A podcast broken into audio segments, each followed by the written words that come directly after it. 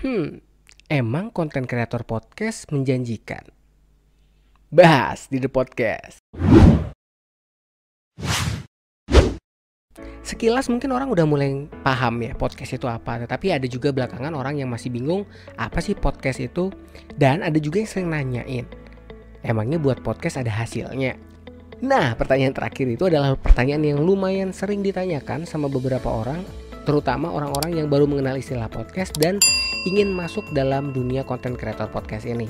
Nah, kali ini kita akan coba kupas sedikit informasi tentang podcast. Apakah membuat konten podcast ini adalah sesuatu yang menjanjikan? Nah, untuk memulai konten ini, gue akan ngajak kalian sedikit flashback ke tahun 2005. Nah, ngapain sih ke tahun 2005 sedangkan sekarang udah tahun 2020? Nah, uh, ini perlu sedikit informasi kepada kalian. Mungkin beberapa dari kalian saat ini adalah seorang yang sedang menikmati konten YouTube. Nah, asal kalian tahu, YouTube itu pertama kali hadir di Indonesia itu tahun 2005 yang di mana pada zaman itu orang belum begitu paham YouTube itu apa dan fungsinya apa gitu. Dan kalau kita berbicara tentang konten kreator YouTube pada saat itu, itu adalah konten-konten kreator yang memang secara fasilitas mereka sudah miliki di rumahnya, entah itu kamera, entah itu internet dan lain sebagainya. Atau juga beberapa orang yang rela untuk mengeluarkan uang mereka untuk menggunakan fasilitas warnet. Dan kalau kita flashback lagi ya tahun tersebut adalah tahun di mana internet itu nggak murah. Jadi ketika kita menggunakan uh, fasilitas internet ya kita harus mengeluarkan uang yang lumayan. Apalagi buat orang-orang yang masih belum memiliki penghasilan pada zaman itu. Nah jika kita berkaca pada tahun 2020 pertanyaan yang sama yang akan gue sampaikan kepada kalian adalah siapa sih nggak kenal YouTube di tahun 2020 ini? Hampir semua orang tahu dan bahkan hampir semua orang menggunakan fasilitasnya. Dari mana taunya bang? Ya kalian lihat aja. Itu ada beberapa sosial media kalian pasti ada aja yang nge-share. Eh teman-teman tolong dong dibantu di like, di komen atau di subscribe. Bantu juga share dong dan lain sebagainya saat ini YouTube itu udah viral banget. Bahkan kalau kita sedikit kembali ke beberapa waktu yang lalu nih nggak jauh-jauh nggak sampai 2005 nah ada salah satu video yang lumayan unik menurut gue karena uh, Pak Presiden kita sedang mengunjungi salah satu daerah dan biasa ya kalau Pak Presiden kan kedatang ke sebuah daerah Pak Presiden pasti memanggil beberapa audiens untuk dipanggil untuk mendapatkan sepeda biasanya dan ada pertanyaan yang wajib dijawab. Satu hal yang gue inget dari salah satu video tersebut adalah ada seorang anak kecil yang ditanya sama Pak Jokowi, kalau nanti kamu besar cita-citamu apa? Si anak langsung spontan jawab jadi youtuber.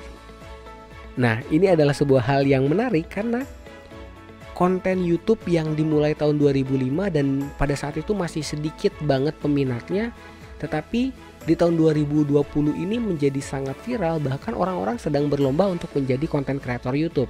Karena anak SD tadi aja bisa bilang bahwa menjadi seorang konten kreator YouTube itu menjanjikan dan bahkan itu dicita-citakan oleh seorang anak yang mungkin baru berusia sekitar uh, 10 atau 11 atau 12 tahun ya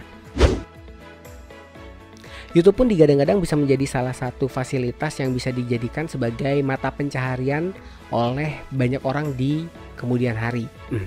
Dan tidak sedikit juga ada beberapa orang-orang yang besar karena YouTube. Salah satunya adalah mungkin kalian kenal penyanyi Justin Bieber yang memang uh, dia terkenal karena ibunya rajin ngupload video si Justin Bieber ketika nyanyi di gereja. Nah, nah dari video tersebut akhirnya si Justin Bieber ini dilirik oleh salah satu produser musik dan akhirnya besar seperti sekarang.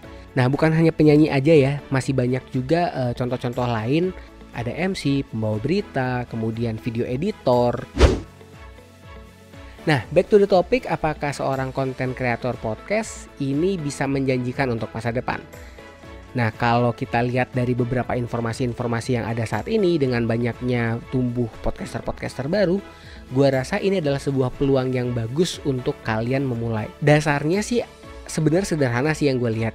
Karena saat ini banyak banget kalau kalian lihat podcaster-podcaster ini muncul dan di antara podcaster-podcaster baru ini ada public figure yang sudah mulai terjun ke dalam dunia podcaster. Mereka sudah melihat sebuah peluang yang bisa menjadi nilai tambah untuk mereka khususnya dalam dunia yang jujur masih sangat baru di Indonesia.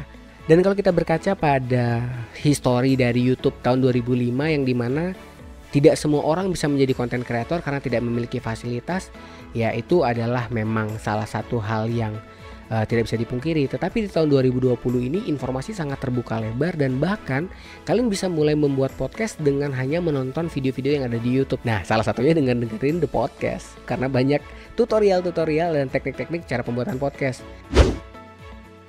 Nah, dan kalau kita mau lihat apakah semua orang yang bergerak di dunia ini akan sukses di kemudian hari, kita juga bisa flashback ke dari uh, ketika YouTube ada di Indonesia pada tahun 2005 yang lalu apakah ada konten kreator YouTube yang tahun 2005 mulai saat ini sudah besar?